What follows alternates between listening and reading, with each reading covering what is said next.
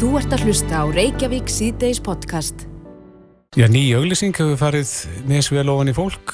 Eh, Mjög flott auglýsing. Já, ég held að séu allir saman um það, hún er virkilega vönd og, og velgerð, Já, þannig verið að auglýsa bestu deildina og bæði bestu deild Karla og Kvenna. einmitt, og en nú hefur stjórn hagsmunasamtaka knaspinu kvenna gaggrínt kynja hlutföllin í þessari nýju auðlýsingu og, og það er sagt í yfirlýsingu að það halli á, á hlut kvenna Mm og, og búið að telja saman mínútur og ramma. Uh, þar sem annars vegar konur koma fram og hins vegar karlar og svo uh, skot af bæði, báðum kynjum. Já, ertu með tölurnar hjá þér? Ég er með þar hérna, það er verið að fara yfir þess að 12% bara konur, 7% konur og karlar saman en eh, 48% bara karlar í þessu auðlýsingu Já. og, svo er 33% í, í öðrum skotum. Mm Já, það, það má þá taka undir það að það hallar svolítið á konur ef að, ef að menn vilja telja þetta saman. Mm En uh, gaggrínin er komið fram og, og uh, það hefur svolítið gustað um þetta mál núna um heldina. En á línunni er Jón Rúnar Halldórsson, var að formaður Íslensk toppfóbolta, kom til sæl. Já, komið sæl. Já, þessi gaggríni komið fram og, og hlutur kvenna í þessar auglýsingu talin of lítill. Hver eru ykkar viðbröð við þessari gaggríni? Já, viðbröðin sem slík eru, eru, eru þau að við að sjálfsögðu tökum fulla hérna full tillit til þessa og það er nú þannig að við vorum nú að erum nú að reyna að vanda okkur í þessu sem öðru og Mm vorum nú að senda frá okkur svona smá, í, smá hérna yfirlýsingu til okkar aðildafélaga -hmm. því að við stöndum ekki bara einir að þessu sem erum í stjórn félagsins. Og við segjum, uh, segjum þar uh, í ljósi umfjöldunar um auglýsingu bestadeldar í ITF koma eftir varandi skilabóðum á frambæri ITF tekur til sín þá gaggrinni um að huga betra jafnrétti í markasefni best, Mm Markmiðið með auðlýsingunni var að gera báðum kynum jafn hátt undir höfði eins og í öllu okkar markasefni. Ábendingar um hvað megi betur fara eru að vinna góða og eru því alltaf vel fegnar. Við munum bregðast við og taka ábendingunni og vanda okkur í komandi markasefni fyrir bestildir, karla og kvenna. á, á þá að, að breyta Niðurstaðan þessari, þessari auðlýsingu eitthvað? Nei, því er nú þannig farið. Það er erfitt að gera það. Því allt kostar þetta peninga og þetta snýst svolítið um peninga. Mm og það er nú þannig líka í þessu lífi að, að það er einhver, eitthvað sem er orðin hlutur. Mm og um, gaggrinnin komið fram sem er bara góða gjaldaverð. Og við erum hvorki við en einhverjir annar aðrir erum yfir það hafnir. Og við munum taka á þessu. -hmm. en bara til þess að árétta það að þá er þetta sem, sem hefur sérst þetta er heildar auglýsing hún tekur einhverja þrjár mínútur. Og ég talaði nú um peninga þannig að það, og þið vinnið í á miðlunum. Mhm. þannig við munum nú seint auglýsa oft með þryggjamegna mínúna auglýsingu. Þannig að úr þessu verða tekni trailerar alveg eins og var ekki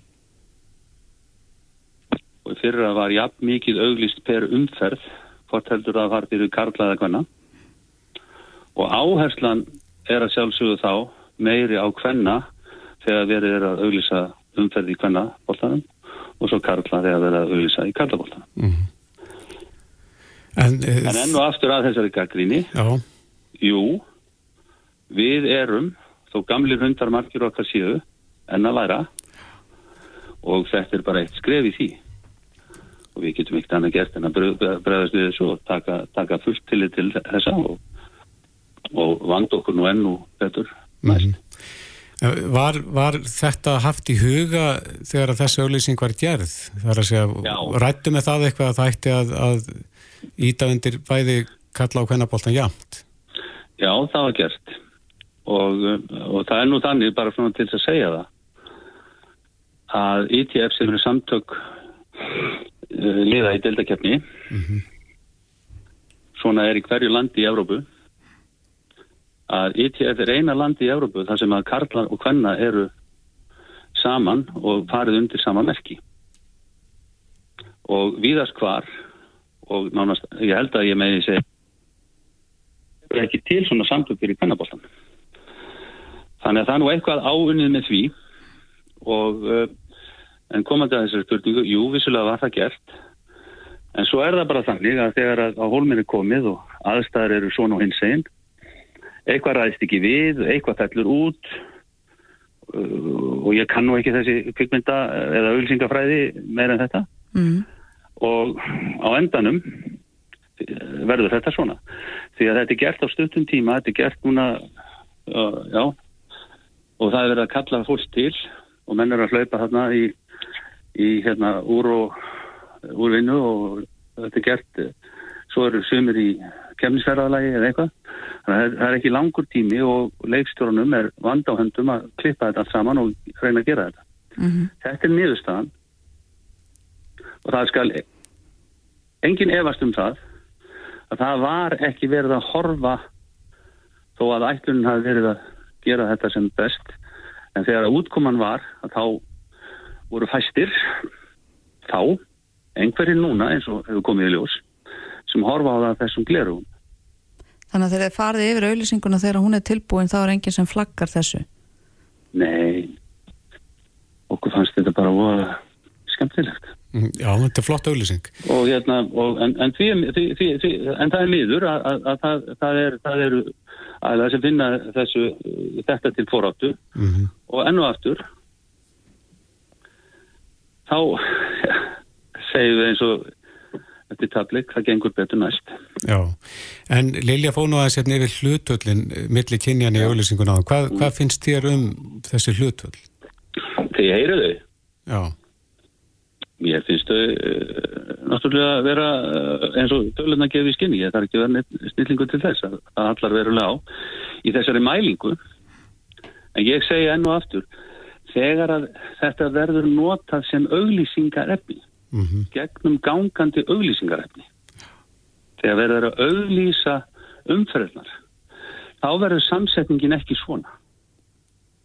Mm Og um þetta snýst þetta. Við erum að fara að auglýsa, við erum að reyna hvetja fólk til að koma á knaspinnuleiki, hvort heldur karla eða hvenna, og þá notum við auglýsingarnar fyrir hverja umferð og þá eru þær sniðnar, eins og ég sagði á þann, meira að hvenna þegar við erum að auglýsa hvenna og meira að karla þegar við erum að auglýsa karla. -hmm. En, en Þannig við, er þetta. við- og það er, það er hinnar eiginlegu auglýsingar. Og, um, og þurfum þá, þá þurfum við að tala saman. en það er nú samt búið að gera þessar auðlýsingar sem hátundur höfði, það er búið að hérna, koma henni í flesta fjölmiðla og hún er búin að vekja mikla aðteglin, þannig að það má segja að þetta sé svona upphafið að vertíðinni, ef svo má segja. Al, algjörlega rétt, algjörlega rétt. Og enn og aftur, við breytum því ekki. Mm Það er bara þarna. -hmm. Umræðin er komin. Ég er til dæmis bara að, að þessi umræða mikki á þessu öllu saman líka. Mm Menn þurfa að vanda sig. Já. Áttu vona því að... Það, það, það geti kannski verið þannig að alltaf, menn gerði alltaf allt rétt og þá var aldrei neina umræðan nokkuð skapaðan hlut og þá fengjum við ekki þessu ókjöfis auðlýsingu Nei, um nei. En eh, áttu vona því að menn verði með þessi kynjagleru á lofti þá næst þegar að svona auðlýsing verður gerð? Ég er nú alveg samfélum það að, að, að, að, að, að hérna, kynjagleru fara öllum mönnum vel og ég held að þau verði ekki tekið niður. -hmm. Bara, en hversu sterk þau eru auðvitað, það er áttur á móti svolítið misjátt. Sumir vera með hansi sterk en, en, en ég ætla ekki að gera aðbáðsendu það.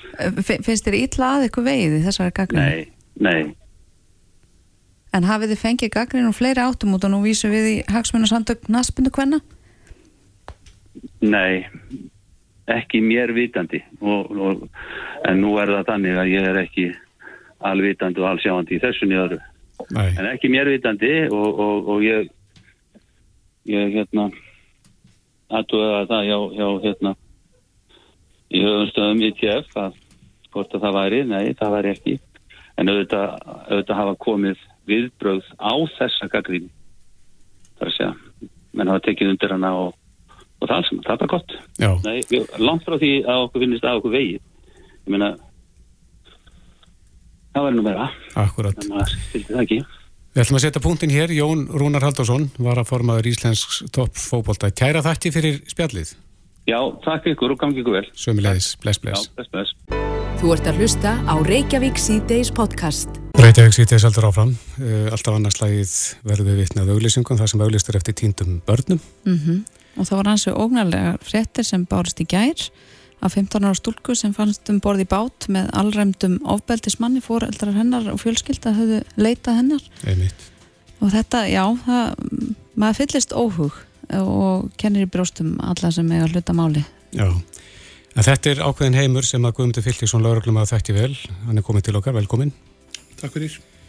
Hvað hefur þú leitað að mörgum börnum á þínu ferli? Einstaklingandi voru að detta í 400 minnum í núnum helgina mm -hmm. síðan 1. november 2014. Leita beinirnar, fjöldi beinarna er komin ykkur starf í hringum 2000. Mm -hmm. Og hvernig er verkleið? Er, er ringt inn til lauruglunar eða er ringt beint í þig? Fóreldrar hér á höfuborgarsvæginu er, er, er ákveð verklega á sem að síðan er kannski ekki alveg eins á milli landsluta eða milli ennbæta en hér er það þannig að fóreldra snúa sér að barnavendarauðvöldum sem að send, senda okkur síðan formlega beðinni um leit og, og þegar það er komið þá fer ég að stað mm -hmm. Og gerir hvað? Uh, ég byrjun á því að reyna á sambandi við börnin mm -hmm. senda þeim SMS og ringiðu vita hvort að þau svari mér í mjög mörgum tilfellum dögar það það er kannski búið að vera eitthvað svona ástand heima fyrir og sagt að verður ringt á lögguna að verður sendt leitabeðinni og svo loksins þegar það er staði við það þá, þá dögar það og, og við komum til krakki skila sér heim mm -hmm. þannig að leiðrætt það sem þið segðu að, að hérna með það að sé annars lagi verða auglýsa við hérna og Höfuborgarsæðinu síðan 2014 tókum upp það að við myndum ekki auglýsa nema í, í ítrustu neyð mm -hmm. og ef ég mann rétt þá er, er að, hef ég ekki auglýst eða við hér á Höfuborgarsæðinu síðan 2021 eftir barni Hver er þá mörgin? Hvenar er auglýst?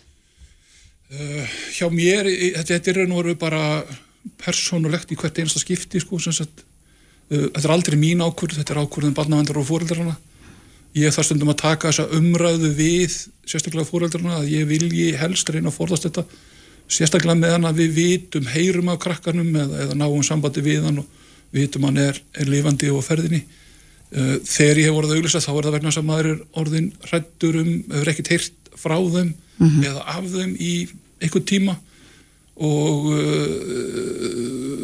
hallast, eða, grunnar það að það geti eitthvað alvarlegt hafa komið, komið um auðvitað fíknirna reysla allt, alltaf alvarlega en að þau séu þá í einhverjum, einhverjum annarkort á eiginvöldum eða annara í, í, á vondu stað og, mm -hmm. og þá auglúsum við og það, sí, það er sem betur fer þá, þá hefur við mjög sjaldan orðið að gera það en, en það er aldrei að fjölskylduna sjálfar auglýsi á Facebook og slikt? Já, og ég raun og veru mæli stundu með því að, að, að fólk, eða fóreldrar eða aðstandendur geri það jafnvel svona í, í þrengri hópi mm. In, innan, innan fjölskyldunar vinahóps og eitthvað slíkt vandin er sá þegar, þegar þetta er gert í opinni fæslu þá fer hún um allt sumum tilfellum verður úr þessu skjáskot sem að síðan er byrt eitthvað staðar þannig að þegar við komum til batn finnst að þá, þá kemur ekki fram að barnið sé fundið og, og, og, og hérna, svona fæslur er að detta inn næstu 2-3-4 árin, eitthvað slíkt sko. Og interneti náttúrulega gleymir engu? Interneti gleymir engu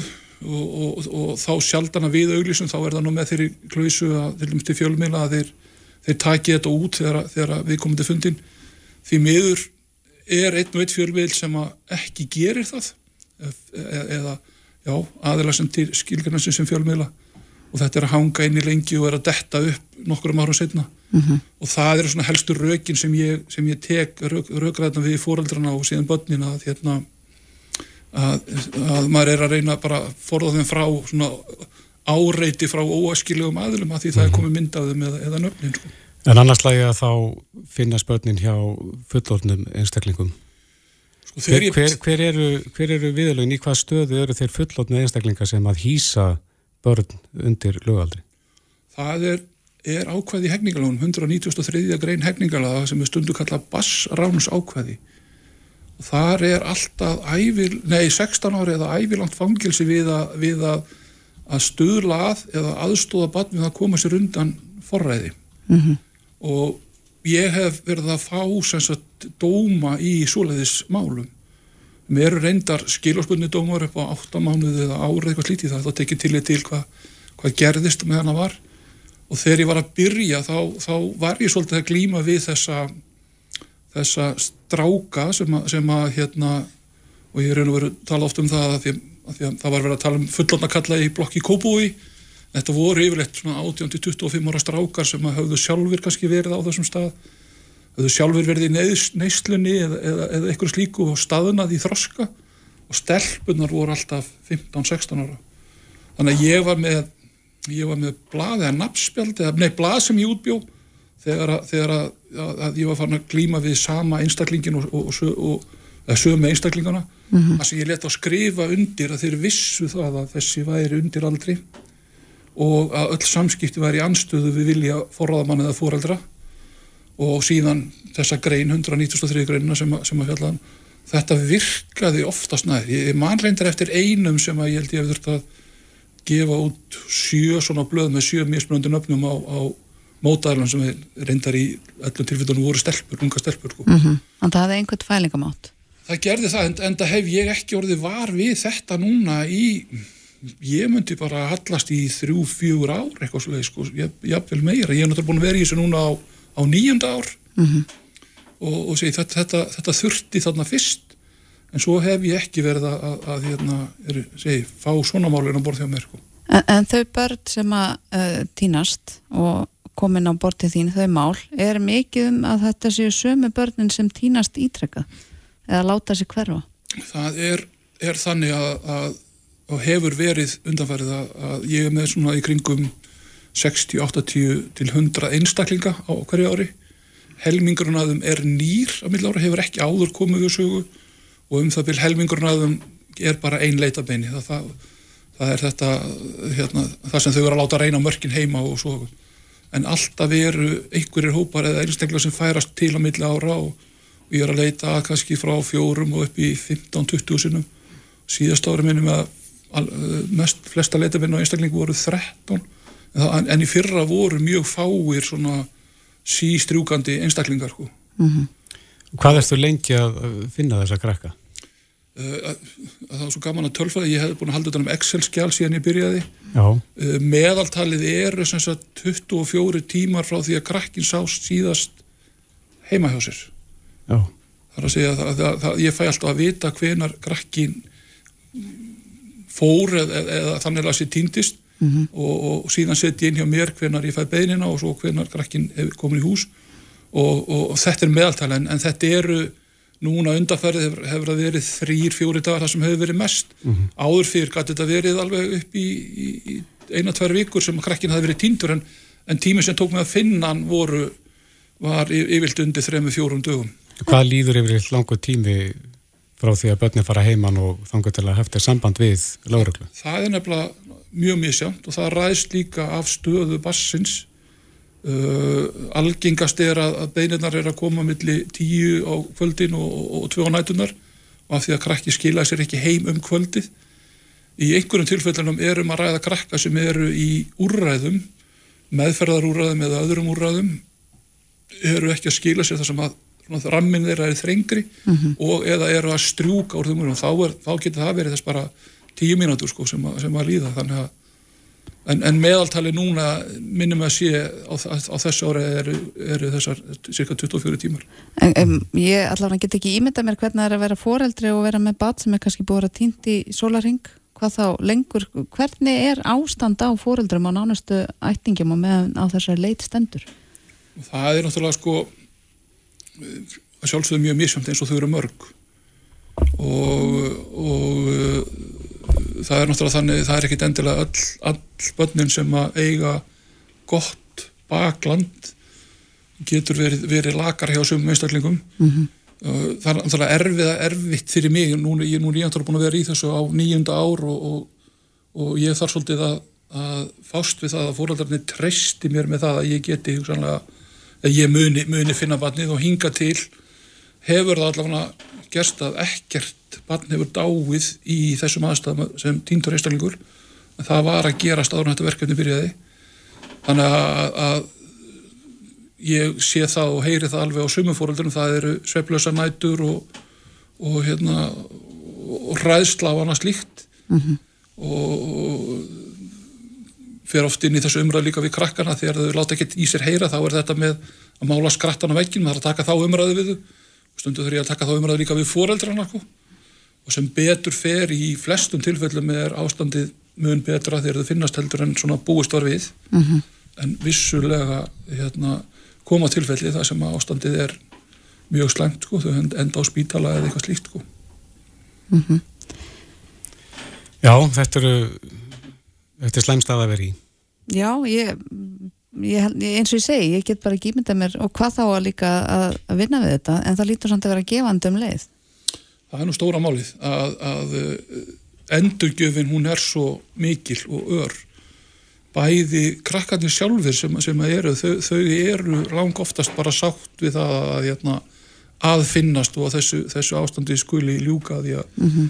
oft er þetta, það, það er búið að vera svona stígandi í ykkur sem að síðan springur og svo, svo hérna svona hjaðnar þetta í róleitunum en, en auðvitað er alltaf eitt og eitt sem, að, sem er ekki sátt en, en þetta er svo gefand, það er líka bara að gaman að lappa um gödunar og mæta þeim síðan okkur mánu setna sem, sem vennilegu fjölskyldufólki út að lappa með börn og maður þek, þekkir þau ekki og þau heilsa manna fyrir að bræði sko. Já, ég ætlaði einmitt að spyrja að þið fylgjur þessum börnum eitthvað eftir uh, í, í, Ekki svona formlega séð ekki, ekki formlega en ég því að þrátt fyrir að vera maður með stórar hendur þá er ég með, með smá hobby sem er að föndra skýrnaslöfur og ég er nú búin að föndra það er nokkrar fyrir, fyrir hérna eins og myndi kannski orða það svona ská batnabönnin mín þar að segja bönn þessara batna sem hafa verið að strjúka. Já. þegar þeir eru orðin, orðin fóreldra þá, þá hef ég nálgastur nokkur og búið um það hvort að ég megi búa til skýrnaslaufuna fyrir þau. Æðislegt. Hefur þið tölu á, á slaufunum? Nei, reyndar það eru svo sem ekki, ekki mjög margar fyrir bönnin en slaufunar eru orðan nokkra Mér langaði að spyrja, ég veit að þú ert búin að segja válinn og einstaklingarnir eru jafn misjöfn og þau eru mörg Erstu með eitthvað ráð til fóreldra í þessari aðstöðu? Ég, hef, ég hefði nú að, að ég ger stundum grínum verið, ég er ekki eins og með stúdinspróf og ég skil ekki stundum umræðanum gagnarindar aðferði þegar ég lendi því að sömur hlutinni fara úrskeiðis aftur og aftur og aftur í kjærfinu sko. mm. það, er, það er þetta með tröstið milli bass og fóreldris uh, hluta því að þroskast er að gera mistök. Og við sem fóreldra þurfum að, þurfum að, að hérna, umbera það svolítið þegar krakkarnir gera mistök á þess að það fara allt á kvolf og, og mistök breytast þá í reynslu. En auðvitað er að þannig þegar, þegar sömur hlutinni fara úrskis aftur og aftur og aftur þá er kannski erfiðar að við að glíma. Uh, þegar krakkarnir skila sér heim eftir eitthvað þá, þá hef ég ofta ráðlegt fóreldrum að taka ekki spjalli þá fagniði því að krakkin er komin mm -hmm sendið hann í sturtu, láta hann fara að sofa, gefa hann að borða, tækið umræðan að daginn eftir. Þau eru snillingarnir í því að snúa umræðan á kvolf þegar við myndum reyna að tala við þau þegar þau eru, eru hérna nýkomin heim og foreldarnir eru hrettir, reyðir, sárir, svektir. Þannig að það er svo auðvelt að umræðan fari, fari úr skorðum við þær aðstæðar. Það er eins að sofa á þessu? Já, ég, ég var allavega mælst til þess að þegar, þegar að svo lesir og stundum gengur það. Já. Já, Guðmundur Fylgjarsson, lauruglumæður hjá laurugluna Hörburgsænu. Takk helga fyrir spjallið, gangið er vel í þínum starfum. Takk fyrir. Þetta er Reykjavík C-Days podcast. Og þengi er verið að rætja fram frumvarp til laga um bardagíþróttir. Emmitt, og við erum svona aðeins búin að vera að ræða hérna utan útsendingar um mm -hmm. bóksið, sko. En það ja. var náttúrulega munur á atvinnumanna og áhugamanna bóksið. Já, menn voru hérna að keppa fyrir mörgum, mörgum áratögum síðan. Mm -hmm en uh, síðan var bóksi bannað. Já, og þá fóru fram áhuga manna bóksleikir en, en enginn mátti vera atvinnumæður. Nei. En kannski verið breyting á. Uh, Berglind Óskumistóttir, þinkona sjálfstæðisflokks, hún fer fyrir þessu frumvarpum barda íþróttir og hún er sestinni á okkur. Velkomin. Takk hjálpa fyrir að bjóða mér. Já, maður veldi fyrir sig sko af hverju núna, hver er kvatin? Núna bara eins og í rauninni ætti alltaf að vera að við erum að leirina að leggja fram eitthvað frelsismál, eitthvað, eitthvað mál sem að auka frelsi einstaklingsins sem að getur bara valið það sem hann vil sjálfur gera og við erum svona færa rauk fyrir því að, að þú ættu auðvitað bara að geta valið þá ídrætt sem þú vilt stunda og keppa í.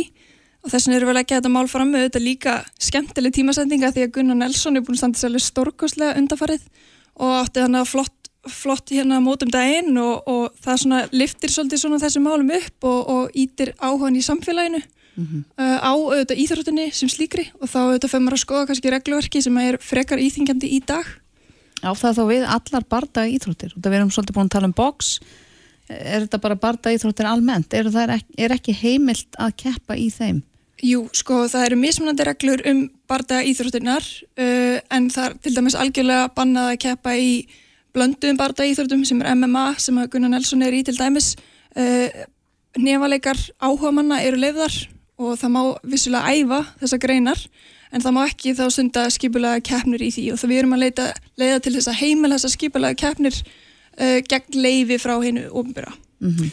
En vil ég þá afnema uh, allar hömlur? Það er að segja að þannig þá keppa og, og berjast án lífðar fatnast til dæmis? Já, það náttúrulega felur, það í sér að við heimilum þessar MMA íþróttir, mm -hmm. þá, þá grein, að þá eru menn ekki mennin að hlýða það búnar, en mm -hmm. auðvitað í nefalegum erum henn með bóksanska og það eru auðvitað bara að setja alls konar reglur, sér reglur, íslenska reglur ef við þess vegna viljum. En, en við eigum auðvitað bara að leita að leiða til þess að leiða þetta meira að því það eru nú þegar hundruð, þúsundi yfkenda í þessum greinum á Íslandi.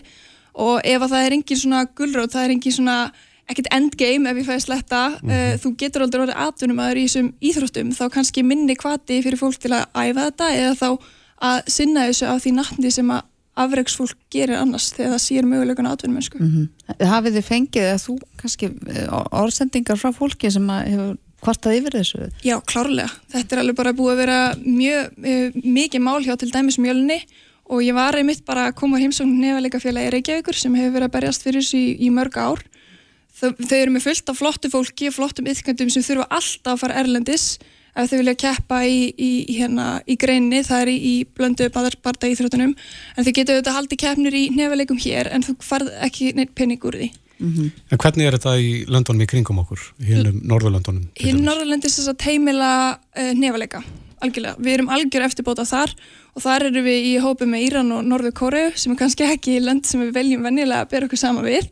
Uh, en, en hvað var það að blöndu barda íþrótunar eru aðeins færri lönd sem hafa heimila en við erum að leggja fram sérst þetta frumvarp uh, sem er byggt á sænskri fyrirmynd, sérst sænsku löggefinni mm -hmm. og, og þar alveg teljum við bara að það, það er komið góð reynsla og lögin þar og, og þau eru komið með alls konar batteri utanum þessar leifisveitingar og, og um hvað, hvaða keppindur þetta eru í sem að þarf auðvitað að vera einhvers konar reglur utanum hverju með að keppin móti hverjum uh, þannig að það er alls konar svoleis fyrirmyndir í, í löndinu í kringum okkur sem að er gott að við hérna höfum það fyrirmynd og, og nýtum okkur áfram mm -hmm. og það er ekki bara það er ekki bara sjálfstæðslokkur sem að leggja nafnsett við þetta frumvar Nei, það er hérna þingmenn viðresnar eru með okkur á þessu máli og það er auðvitað bara mikill áhugi hef ég heyrt í öðrum þingflokkum að uh, leggja þessu máli lið uh, einfallega bara því það er komið tími til mm -hmm. Finnur heldur það að sé einhver mótstað?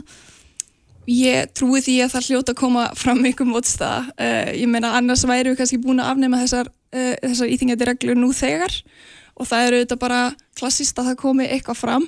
Hvað gæti helst að mótstaðan verið? Ég myndi talja að væri kannski gæti verið í læknasamfélaginu uh, af því þetta eru auðvitað íþróttar sem að þú ert að veikta högg og oft höfuð högg og það eru auðvitað viss áhætta í því mm -hmm. en, en við sáum öll löndin í kyningum okkur er búin að heimaðlega þetta þannig að af hverju eru höfuð högg á Íslandi eitthvað öðru sem höfuð högg í Svíþjóð mm -hmm. Hvernig er einslan hjá Svíðum? Hún verðist bara að vera mjög góð og það eru auðvitað að koma líka teikir inn í kassan þar af þessum skipilegu keppnum og, og atvinnum mennskunni þannig að það eru auðvitað eitthvað sem ég ákvæmt líka fyrir í ríkisjóð og ég bendi á í ræðminni um daginn á, á alþingi að við höfum auðvitað að leita leiða til þess að auka frelsi fólks og, og kannski líka horfa eitthvað jákvæð áhrif á ríksjóð. Mm -hmm. Er eitthvað fleiri svona frelsismál sem þú ert að velta fyrir þér eða með í bígerð? Uh, sem ég er að velta fyrir mér, ég er auðvitað búin að leggja fram uh, frumart sem heimila lausasölu livja í hérna almennu vestlunum og svo er ég núna líka búin að leggja fram frumvarp sem er svona svolítið bandormur á þeim lögum sem hef, hafa aldurs svona takmörk eða skilir þið inn, innan borðis það sem er með einhvern annan aldur en átjón sem er sjálfræðis og fjárræðisaldurinn. Þannig að við erum búin að leggja fram uh, því, nokkri þingminn sjálfstæðisflokksins frumvarf þess efnis. Svo eru auðvitað bara auðvitað fullt af málum sem við getum hort til sem að einfalda líf fólk sem við þurfum auðvitað að halda áfram að vinna í.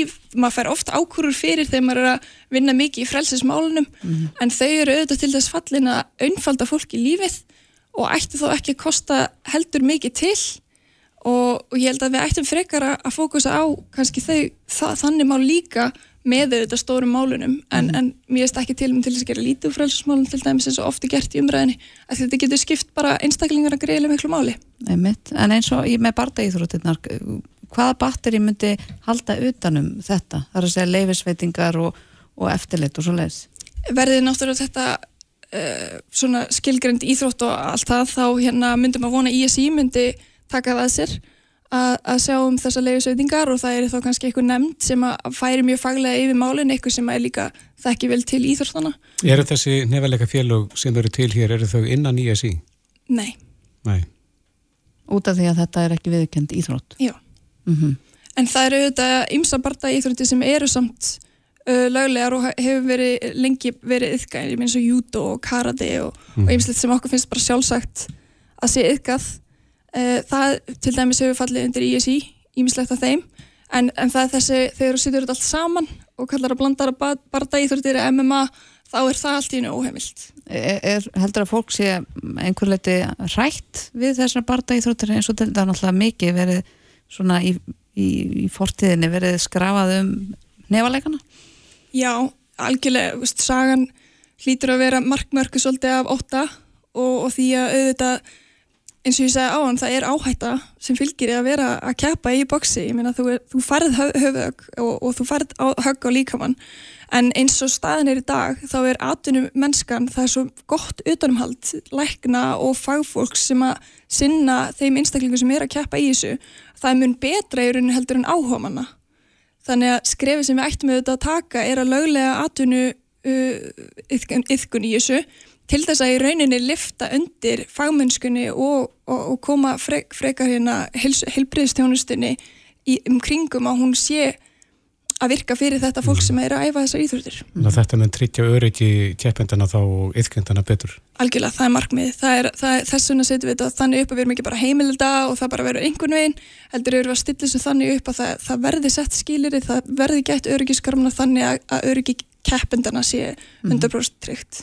Og hvað gerist næst með þetta frumvarp?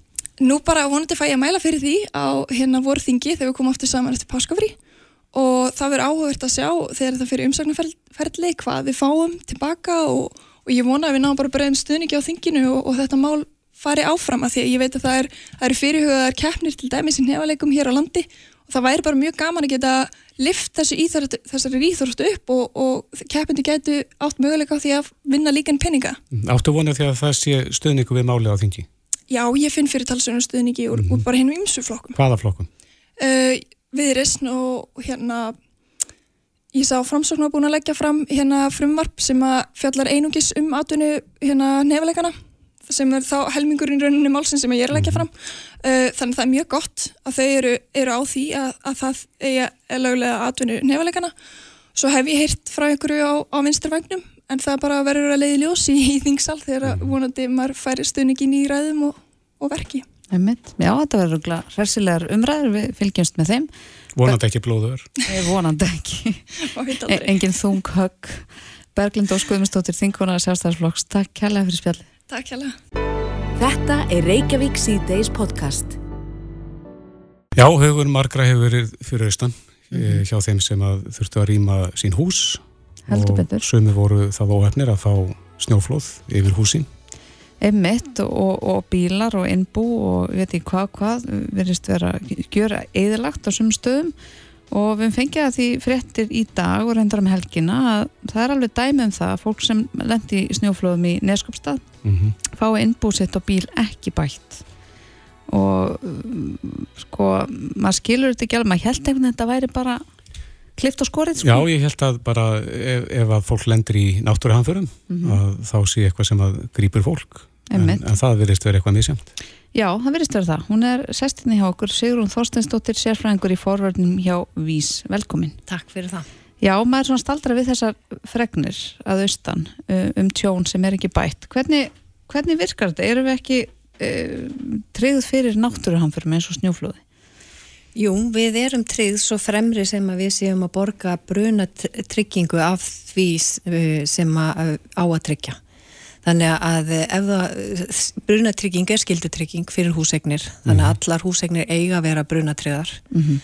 og þá er pæðin sem að bætist er þá maks það brunabóta mat sem er á húsegninni og í mörgu tilfellum sem við öruglega bara svolítið vitum út frá okkar eigin húsum að það er oft töluvert lagra heldur en það sem er sett á húsið að það er, fengir fyrir það. Mhm. þannig að það er svolítið svona sem við höfum verið að halda að fólki að skoða viðbótabruna síðan er eh, innbúið að það er tryggt ef þú ert með fjölskyldutryggingu til dæmis eins og hjá okkur, ef þú ert með F+, þá er innbústrygging inni í F+, og þú ákveður þegar þú tekur trygginguna hver upphæðin á innbúinu á að vera. Og við erum, það er reikni vel á vís þar sem að þú getur og sett inn bara og reynda að finna svona út hvað er, mitt innbú að kosta því að ég held að flestir ef að þeir svona skjóta á það þá eru þeir öruglega skjóta svolítið lægra heldur en að, að hérna að það kostar í raun og veru. Mann finnst kannski, húst, að þetta er ekki svo mikið að fötu sem er í skapnum og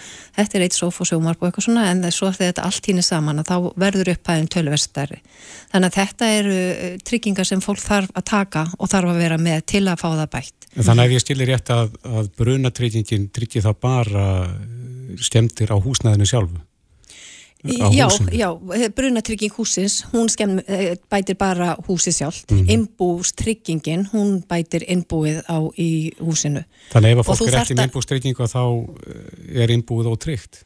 Já, og það er bara raun og veru alveg eins og bara ef þú ert ekki með innbústrygging og það kviknar í hjá þér, þá er innbúið þitt ótryggt og, og hérna, og þetta er semst, öll tryggingafélög, þau rukka inn fyrir náttúrhanfartryggingu Íslands og ef þið skoðið til dæmis bara brunatrygginguna, hvað þið eru að greiða í brunatryggingu á húsinu ykkar að þá er það svona rúmlega helmingur sem að, tryggingafélun eru að rukka inn fyrir uh, náttúrhanfartryggingu Íslands uh, og oflóðsjóð til dæmis og fleiri þætti. En gildir annað fyrir ekki um uh, jarðskjálta til dæmis? Nei, það er nákvæmlega sama. En, en þegar þú talar um að brunatryggja sérstaklega, sérst, þá er, þá auka brunatrygging ofan á þessa lögbönnu? Já, veist, ef þú vilt, ef þú ert ekki sátt við brunabóta mati sem húsið þitt hefur, fær og, þú- og þér finnst að húsið þitt er verðmætara heldur en það, þá getur þú keipt viðbóta bruna mm. á því. Og þú þarfst náttúrulega eins með innbúið þá vorst að vera vissum að það sé svona dekka svo upphæð sem þú velur. En með bílana, það er svolítið öðruvísi vegna þess að, að hérna, eins og hjá vís þá er uh, semst, uh, bílinni tryggðu fyrir snjóflöðum ef þú ert með bílinni kasko. Og e, það er ekki bruna þáttur í ábyrratryggingunni þannig að þeir sem eru ekki með bílana sína á neskostas í Kasko að þeir eru ekki að fá bílinn bættan vegna þess að, að í raun og veru uh, þú ert bara með, þá með þannig kannski bíl að þér finnst það ekki borga sig að borga kaskotryggingu af bílnum og þá ertu heldur ekki að fá hann bætta nema að þú sért með sérstaka brunatryggingu sem hægt er að kaupa. Og það kom svona svolítið upp þegar að jarðskjáltanir voru í Grindavík.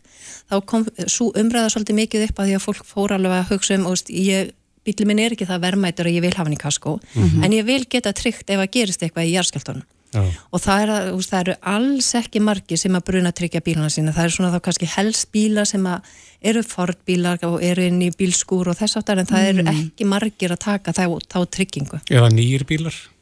e, nýju bílar eru nú í kasko Já. yfir Akkurat. þannig að þeir eru þá tryggðir fyrir snjóflóðum En, en ef að bílinn minn sem er ekki kasko hefur farið á annan bíl um, er tjónið á bílnum sem að var kjör Nei, Er það það- er snjóflóði sem að veldur því þannig að, já, já. að, það, er, að það er bara e, úst, það hefur ekki áhrif En ástæðan fyrir ég nefndi jarðskjáltan hérna áðan, ég veit til þess í Suðurlandskjáltanum að þá tryggði viðlaga tryggingar, það er tryggðu innbú líka.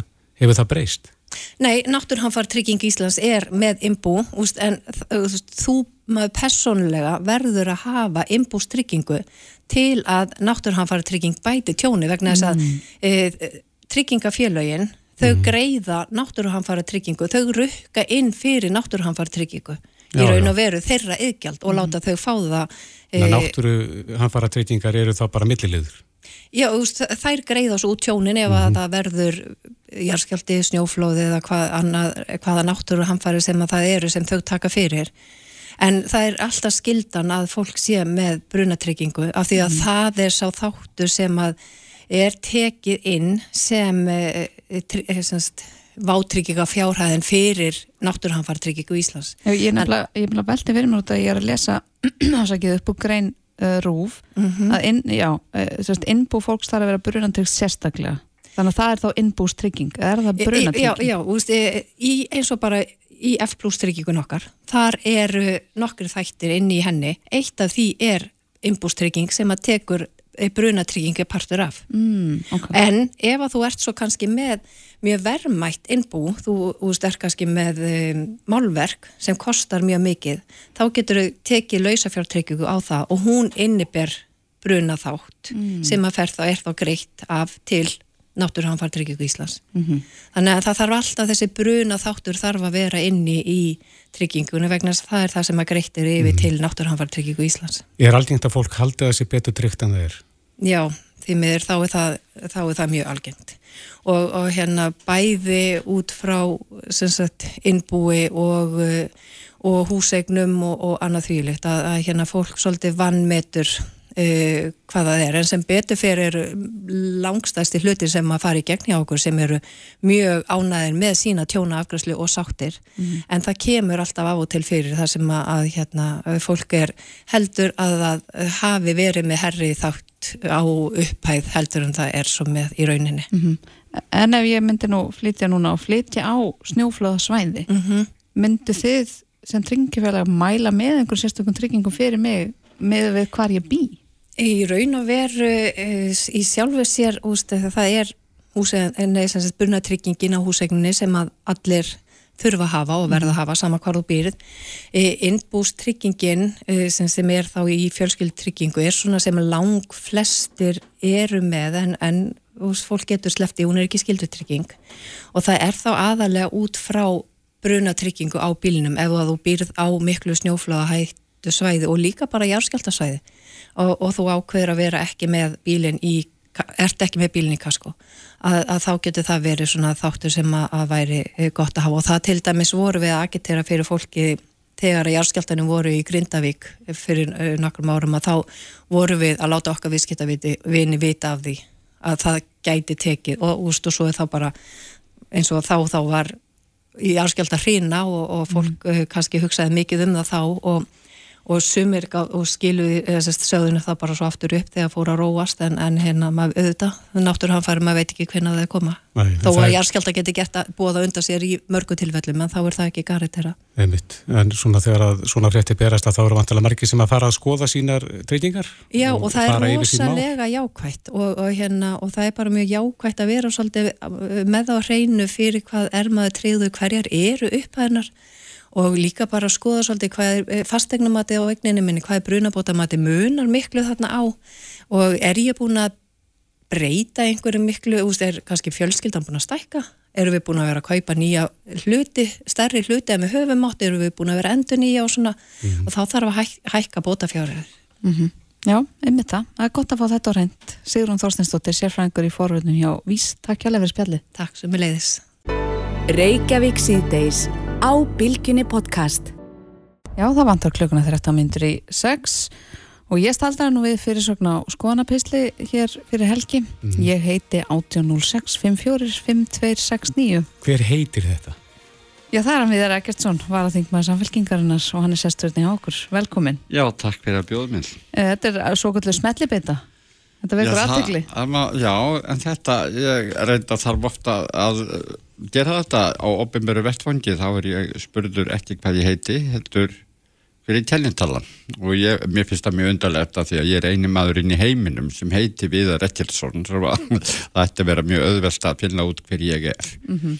að því að það er ekki að ruggla mér saman við neitt með sama heiti. Mm -hmm. en heiti stiftur ekki máli það er tellingtalan og hún er nótuð óbúslega mikið á Íslandi. Fólk þarf alltaf að að gala kennitölu sína í afgriðslu sölum alls konar stopnana í apotekum og böngum og viðmynda hvar sem er undar uh, svolítið ámælisvert í sjálf þessi stiftir engum máli hvað fólk er gamalt, það er mjög skrítið fyrir mig að vera í apotekju gala. Ég er alveg að verða 69 ára sem er raun og veru það sem ég er að segja með því að segja kennitölu mín að það er líka að búa til kennitölu sem að eru byggðar upp á allt öðru formi heldur en fæðingadegi og fæðingarári. Mm -hmm. Sem þekkist nú bara erlendis? Það þekkist erlendis og það þekkist líka erlendis að það stifti ekki svona miklu máli hvenar þú ert fættur. Þetta hefur háð mörgum núna.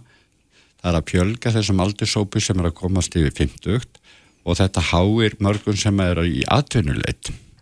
Tennitalan er eins að hún afhjúpar einhvern aldur sem að er orðin, hvað maður að segja, ekki rétt kennitala.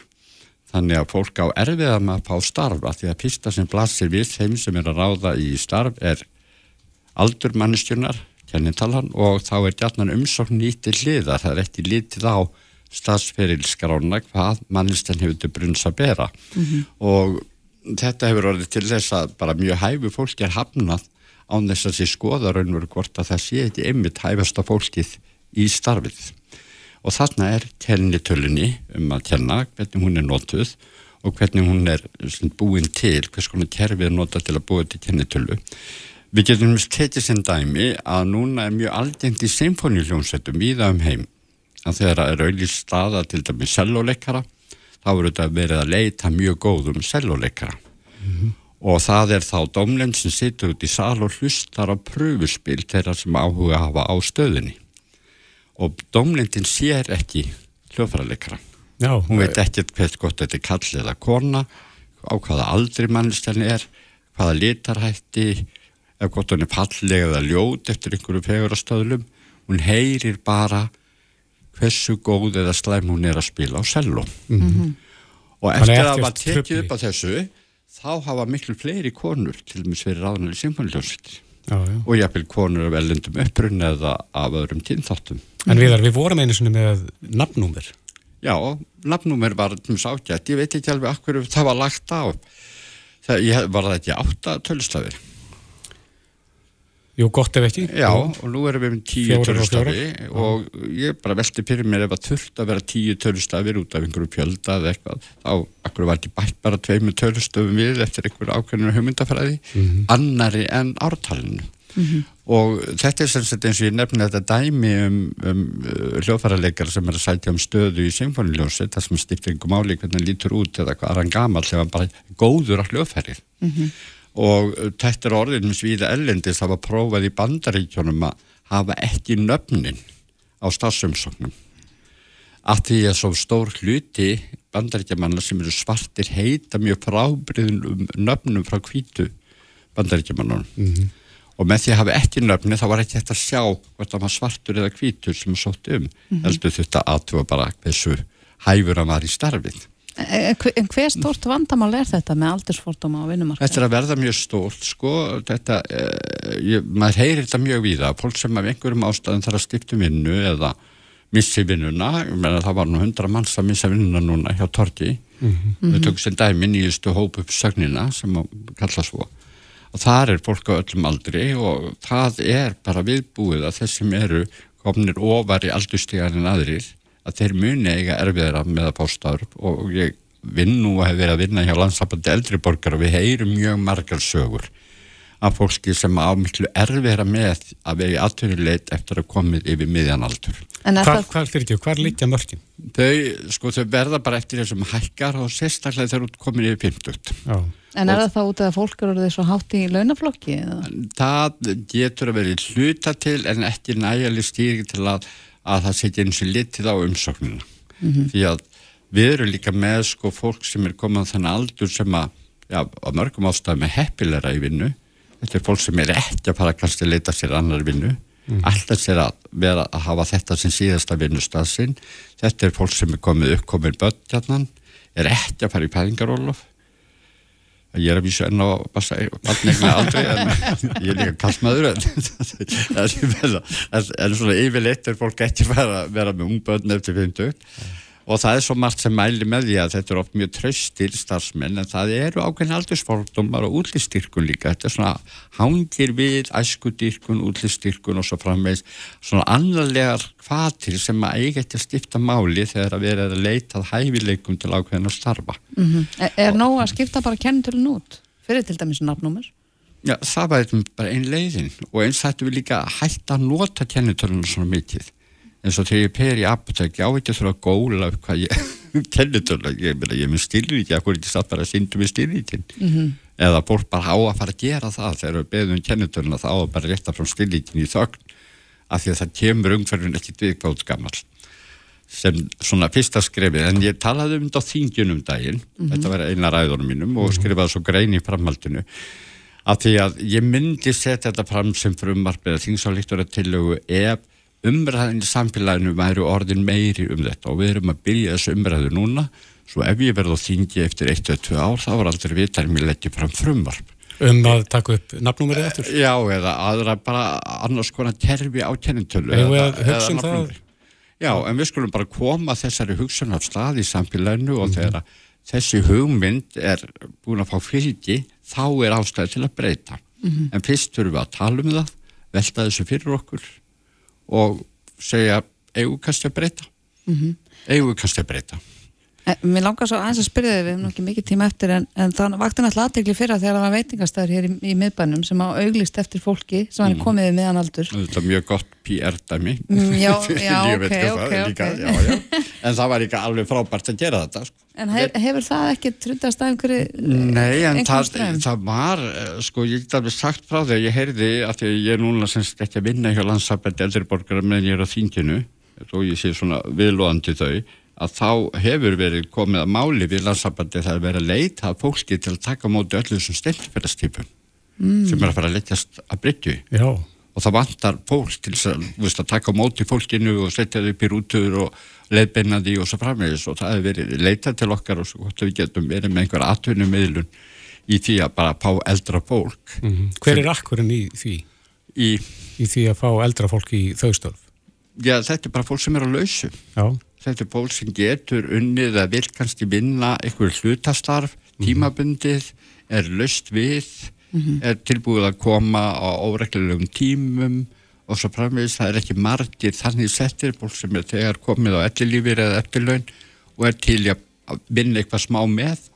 Það er margir í þeirri stöðu. Fólk er miklu sko frískara í dag ég var að lesa um ömmu mína þegar hún var 62 ára í opinbyrju stjölum. Þá var hann kölluð fjörgömmul kona. 62. Ég er 62, ég er 6 ára meldur en hún. Og mér finnst ég ekki vera fjörgammal maður. En þetta var eindur um miðja síðustöld Já. En, en, en atvinnum eldra fólks, getur það ekki bara orðað að verðleika? og það getur verið að veruleika. Ég kasta þessu fram til þessa unga og ferska fólk sem hér er og er tilbúið til að ráðast í að stopna fyrirtæki. Já. eða kannski einhverjum þeim sem að voru að vinna fyrir fyrirtablaði og Einmitt. Þetta er fín hugveikja. já. já, takk fyrir það Áhugaverðar hugmyndir. Já, Viðar Rækjesson var að þingmaður samfélkingarinnar.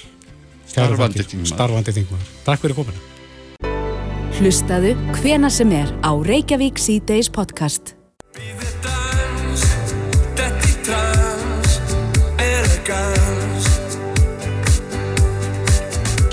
Það má segja að meistari streymisins sé komið til okkar.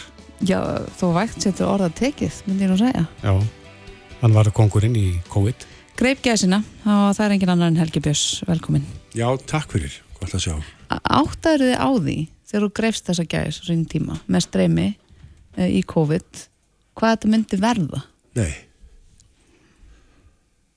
það ger ég ekki. Nei, férstu bara þeir þið einu sinni eitthvað gaman og stuð? Já, já, sko, þetta var nú, maður var að hugsa ekkert lengra en bara að, að um, það var bara þörf á þessu akkurat þarna að gera eitthvað og við gerum það og og síðan bara, jú, jú, kannski held maður kannski að þetta er kannski tvísvar eða þrísvar eða eitthvað, en svo náttúrulega held þetta ástand áfram og það var áfram þörf og síðan náttúrulega bara verið þetta breytast í bara í það að þetta verður bara entertainment í sjónvarpi og eins og staðan er, í, er bara hjá okkur í þjóðfélaginu og bara, ekki bara á Íslandi heldur út um allt að þá er bara sjónvarp orðin miðill sem að er alltaf að eignast meir og meir af okkar tíma og hérna og fólk farin að neyta sjónvarps ansi mikið, þetta var hort á sjónvarp og,